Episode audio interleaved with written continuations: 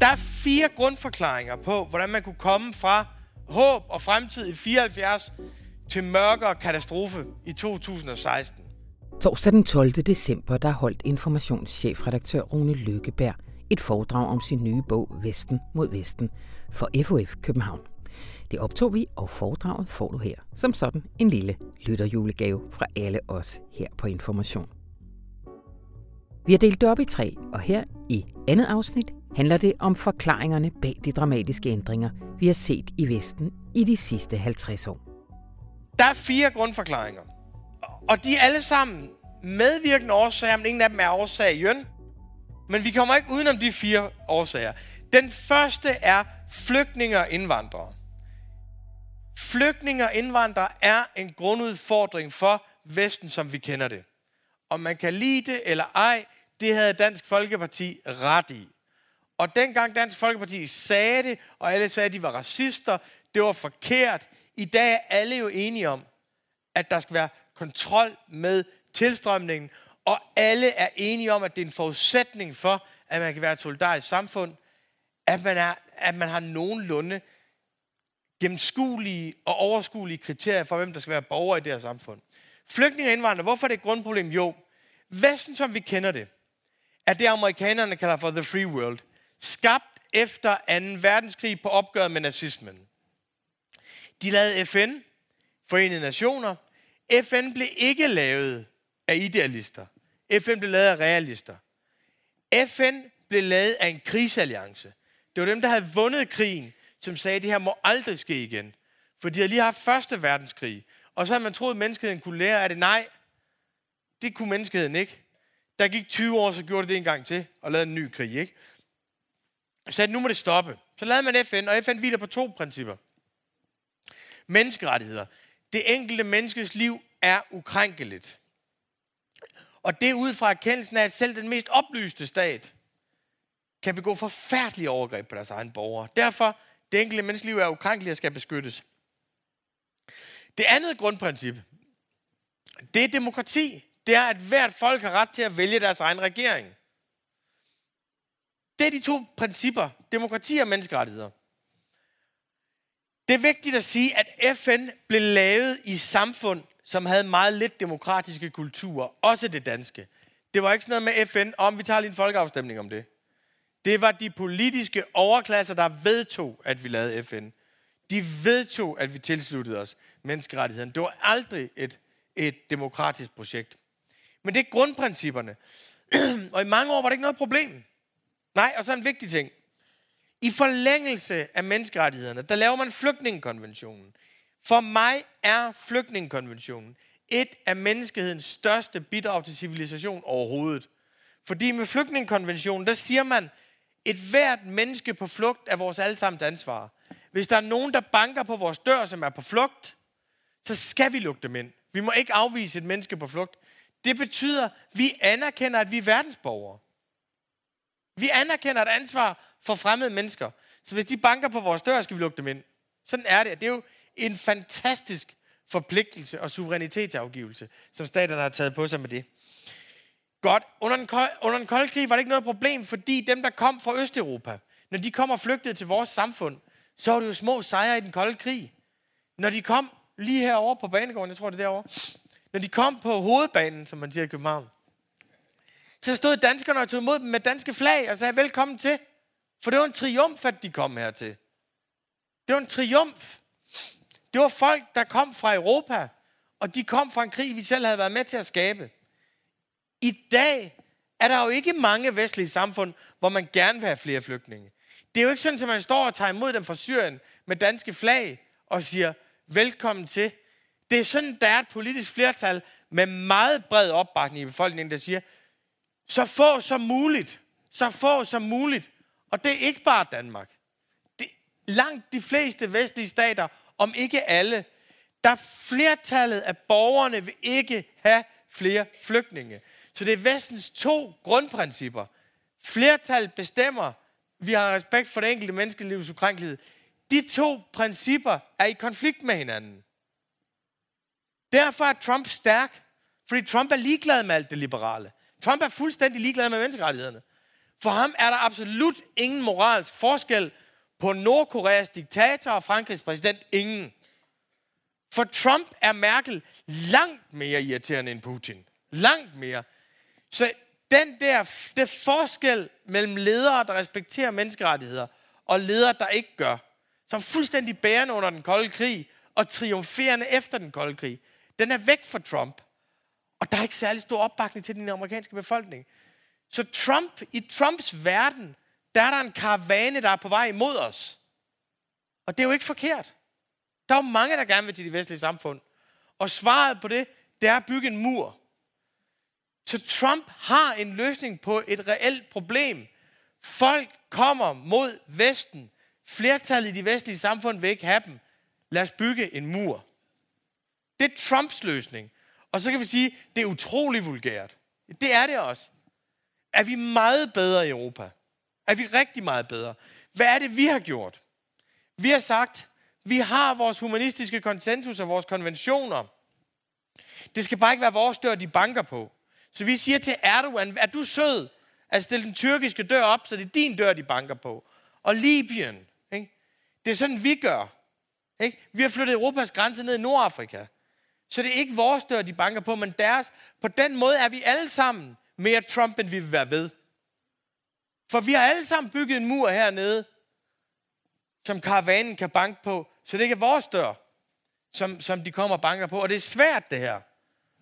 Fordi hvis det var sådan, hvis det var sådan, at vi sagde, nej, Erdogan, autoritær leder, Libyen, totalt udemokratisk samfund, lad dem banke på vores dør, jamen så er risikoen jo, at de højre nationale partier vil blive meget stærke. At de vil blive rigtig stærke. Og så vil vi opsige vores konventioner og vores forpligtelser. Så problemet er grundlæggende. Der er ikke nødvendigvis demokratisk opbakning til hele det liberale fundament for vores samfund. Og det er også fordi vores samfund er succeser. Folk vil gerne bevare de samfund, der blev skabt efter krigen. De vil ikke dele dem med resten af verden. Det er ikke fordi, vi er blevet dårligere mennesker. Det lover jeg. Indvandring er lidt en tilsvarende problematik. Fordi det vestlige ideal, det har vi udbredt til hele verden. Det er, enhver har pligt til at få mest muligt ud af sit eget liv. The pursuit of happiness. Det står der i den amerikanske forfatning. Man skal realisere sig selv. Og hvordan skal vi realisere sig selv? Ligesom vi gør. Vi har udbredt Beatles og Robert Redford og Beyoncé og Jay-Z og Madonna og vores seksualitet og vores brystidealer og vores muskler. Det hele. Hele vores billeder af skønhed, kærlighed, det gode liv har vi udbredt til hele verden. Hvis man skal realisere sig selv på vores principper, skal man så ikke komme herop? Det vil vi jo selv gøre. Det er jo derfor, vi selv er vandret fra land til by overalt. Så vi har skabt et billede, som man kan realisere her. Men flertallet vil ikke have, at der kommer flere til. Grundproblem for de vestlige samfund, det gør Trump stærk. Og det er et problem for Obama. Fordi Obama taler jo om det åbne samfund, om menneskerettigheder og demokrati og sådan noget. Det er det, jeg siger intellektuel musik. Men Obama deporterede flere millioner mennesker. Obama gjorde selv ting, der var i modstrid med den måde, han talte om verden på. Første forklaring på Trump og Orbán og Dansk Folkeparti og Inger Støjberg. Løsning på et virkelig eksisterende problem. Næste forklaring. Ulighed. Da jeg, var født, da jeg blev født, der forventede vi, at vi ville blive rigere og ligere på samme tid. For sådan var det i Vesten. Fra 1945 til 1975, der havde vi enorm vækst. Køleskabe, biler, parcelhuse, tv'er. Ting, der var overklasse goder, altså overklasse privilegier, blev middelklasse goder på en generation. Fra 1950 til 1975, der blev levestandarden fordoblet i Vesten. Fuldstændig enestående vækstrater, samtidig med, at vi fjernede uligheden. Og det var forventningen, at sådan som det var der, skulle det være altid. Og det forventer vi jo af Socialdemokratiet ved hver eneste valg. Giv os mere vækst og mere lighed på samme tid. Det er derfor, vi altid bliver skuffet, når de vinder, og vi sidder derhjemme og holder med dem. Ikke? Fordi det der fra 45 til 75, det var ikke en normal tilstand. Det var en undtagelsestilstand. Vi troede bare, at sådan som det var, skulle det være i hele historien. Så vores samfund er økonomisk grundlagt på et løfte, som det ikke har kunnet holde siden, og ikke kan holde. Og det løfte er rigdom og lighed på samme tid. Hvordan kan det være? Den første ting er, det der fjernede uligheden i Vesten, det var ikke stærke socialstater og progressive venstrefløjspolitikere. Det var krige og kriser. Første verdenskrig, anden verdenskrig, smadrede de store formuer, krisen i 30'erne, smadrede rigdom. Det var det, der fjernede ulighed i, i vores del af verden. Så kunne man starte forfra. Så kunne man bygge nye formuer op. Men vi kom til nul, takket være krige og, og kriser. Næste forklaring. Fordi de her samfund skulle bygges op, efter de var blevet smadret, så havde man en anden social kontrakt om, at de rige skulle bære mest. Fra 1930 til 1980, der var den gennemsnitlige topskat i Vesten. 80 procent. Det vil ikke engang enhedslisten foreslå i dag. I USA var den 80 procent, da jeg var barn. Den var 91 procent i 50'erne. Den var 94 procent i 1943. På et tidspunkt var USA tæt på at indføre en maksimumindkomst. Altså, hvad skal der noget med 100 procent, så er det maksimum. Så tager man bare resten. Sådan var kontrakten. Samfund i krise, der skal de rige betale mest. Fra 1930 til 1970, der fik de 4 femte det laveste på indkomstskalaen i USA, altså de nederste 80 procent, de fik 90 procent af lønstigningerne. Der var mest, der gik til de laveste. John F. Kennedy sagde, vores økonomi er tidvand, der løfter alle både. Det var forventningen til vores, til vores økonomi. I dag er det jo fuldstændig anderledes. Siden 1980, der er topskatten blevet sænket og sænket og sænket og sænket i Vesten. Den kapitalisme, man havde i det 20. århundrede, der havde man brug for arbejdere, og man delte overskuddet med arbejderne. Henry Ford, han fordoblede arbejdernes løn på Ford-fabrikkerne, og folk i USA syntes, han var vanvittig, og han blev, skyldt, blev beskyldt for at være socialist. Men det var han ikke. Han var en ny tids kapitalist. Fordi han havde forstået, at han havde brug for arbejderne, hvis han ville skabe vækst. Og arbejderne skulle have det godt, for ellers gik de et andet sted hen. Og hvis han fordoblede deres løn, så fik de råd til at købe Ford-biler. Så kunne han sælge endnu flere biler. Det var den form for kapitalisme, som hviler på det, man i USA kalder for the basic bargain. Den grundlæggende kontrakt. I dag, de store firmaer har ikke brug for arbejdere. De er komplet ligeglade med arbejdere. Facebook, de har 35.000 ansat i hele verden. Det er det, de har. Det er ingenting. Amazon, de kan bringe deres lort ud med droner. Google, jamen der er ikke nogen mænd, der går rundt i blåt kanterstøj og laver Googles vækst. Wall Street, der, der er ikke nogen samlebånd, hvor man står og putter derivater op, og her skaber vi, her skaber vi. Så rigdom bliver skabt på nogle helt andre betingelser. Det er meget få mennesker, som skaber den immaterielt. Så der er ingen, de har ingen grund til at dele det med arbejderklassen. Og hvis de skulle, når de har brug for arbejdere, hvis arbejderne i USA, de vil have mere i løn, og hvis de organiserer sig, jamen så køber man der arbejdskraft et andet sted. Ikke? Så flytter, så flytter man der bare. Flytter man det bare ud, så arbejderne ikke er organiseret, de har ikke særlig meget at forhandle med, og man kan flytte dem over hele verden. Sk- indkomstskatterne er faldet enormt. I USA er det nu sådan, at den effektive skattebyrde for dem, der tjener allermest, er lavere end for dem, der tjener mindst. Hvordan kan det være? Det er fordi topskatten er blevet sænket og sænket og sænket, og fordi at afkast på kapitalindkomst bliver beskattet langt lavere end afkast på indkomst. Så skal du flytte al din, øh, al din indkomst over på kapitalindkomst, og så betaler du lavere skatter. Nobelprismodtageren Paul Krugman, han skrev for nylig i New York Times, at en flad skat, altså en skat, hvor alle betalte det samme, ville være en social revolution i USA i dag.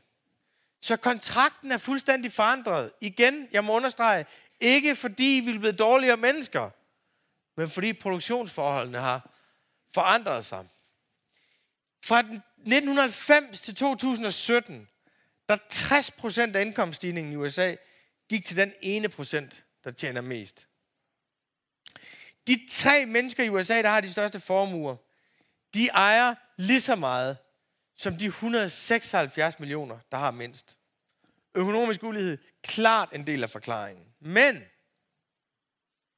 jeg må jo desværre konstatere, at der ikke er en eneste regeringsleder i den vestlige verden, der har vundet et valg på at bekæmpe økonomisk ulighed. Og hvis man går ud fra, hvilket jeg gør, borgere er ikke idioter, de er nogenlunde oplyste, vi har de mest veluddannede befolkninger nogensinde, demokratierne er relativt velfungerende, så må vi sige, at det er ikke den økonomiske ulighed, der gør det for folk. Næste forklaring, så vi har flygtninge indvandrere, højrefløjens yndlingsforklaring, økonomisk ulighed, venstrefløjens yndlingsforklaring. Tredje, ingen yndlingsforklaring. Politisk ulighed.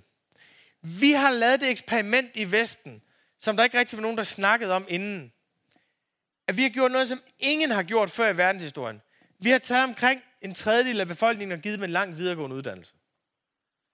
Og i alle tidligere samfund, der har der været meget, meget få, der havde en lang videregående uddannelse.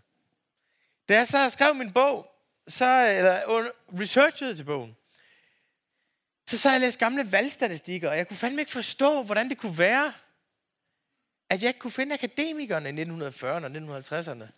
Jeg tænkte, at de ikke opgjort dem dengang. Frygtelig bias. De sidder og dækker over sig selv, fordi akademikere laver det. Det var fordi, der var så få. Der var ingen akademikere. I 1960, der var der under 1% akademikere i OECD-landene. I dag har man mellem 25 og 30 procent af den voksne befolkning, som har en lang videregående uddannelse. Det er helt nyt, og den del af befolkningen er voldsomt favoriseret. De har det nemmest, måske skulle jeg sige, de har det nemmest, når de skal lave selvangivelse. De har det nemmest, når de skal vælge læge. De har det nemmest, når de skal købe hus. De har det nemmest, når de skal købe bil. De har det nemmest, når de skal klage over, at de er blevet dårligt behandlet. De har det nemmest, når de skal finde en advokat. De er favoriseret i alle livets forhold. Vores samfund er indrettet af akademikere til akademikere. Og de akademikere, og nu skal vi citere Karl Marx, skal man gøre en gang. Når man har citeret John F. Kennedy, skal man også citere Karl Marx. Øh, akademikere er ikke bare en klasse i sig. Det betyder, at det at have en lang videregående uddannelse er en stor kapital, som gør dem til en klasse i sig.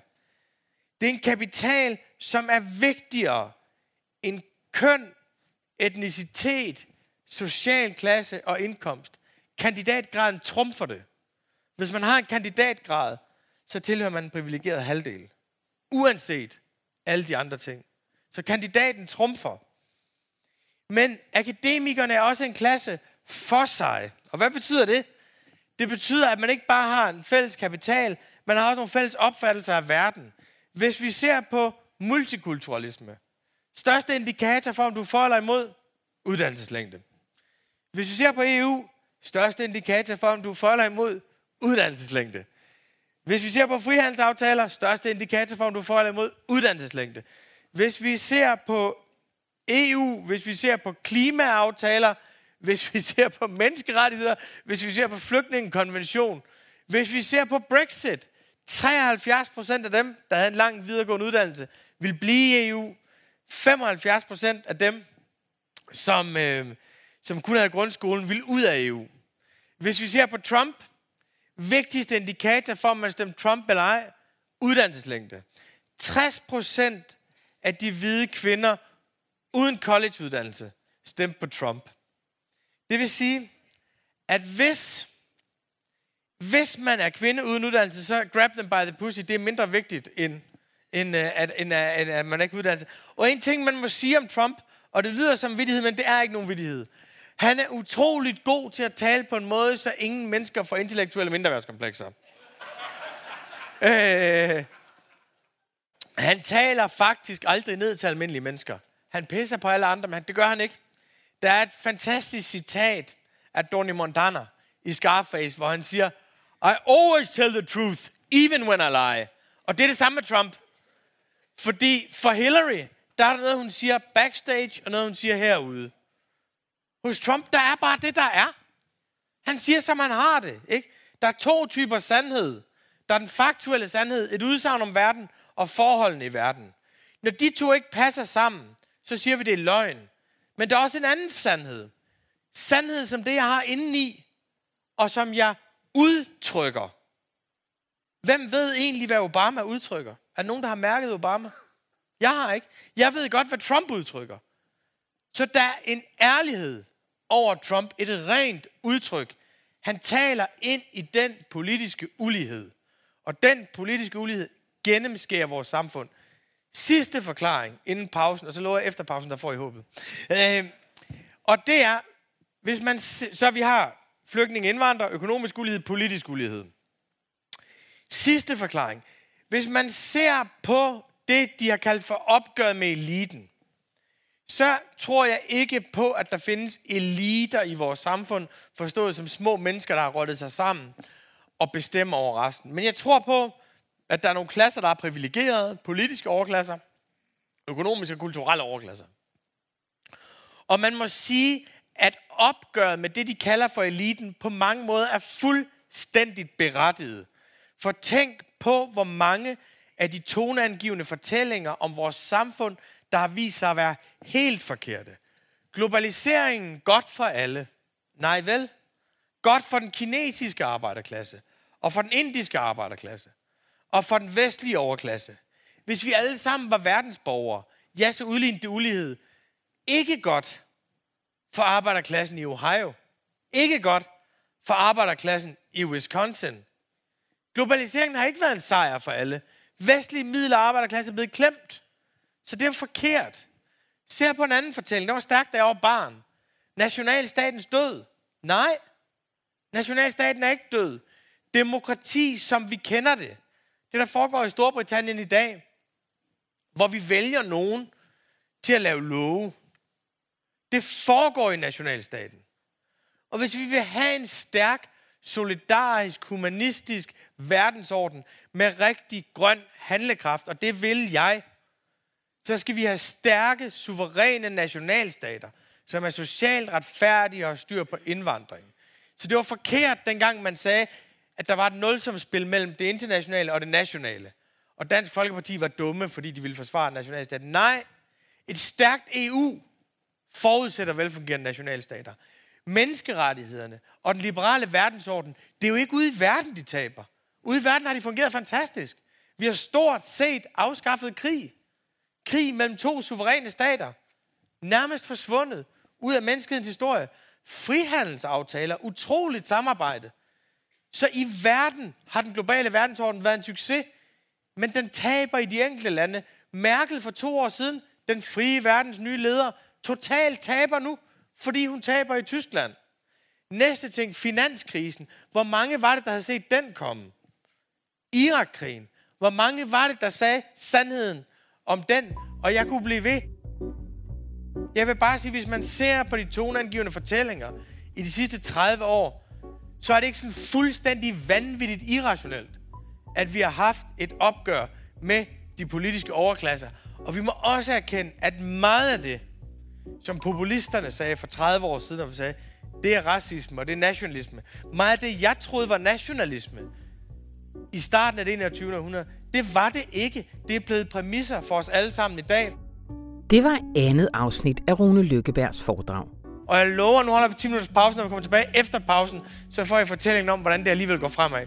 Og i det næste taler vi netop mere om håbet. For måske er opgøret med den gamle verdens orden både godt og nødvendigt. Husk, at hvis du vil vide mere, så kan du købe bogen bag foredraget Vesten mod Vesten.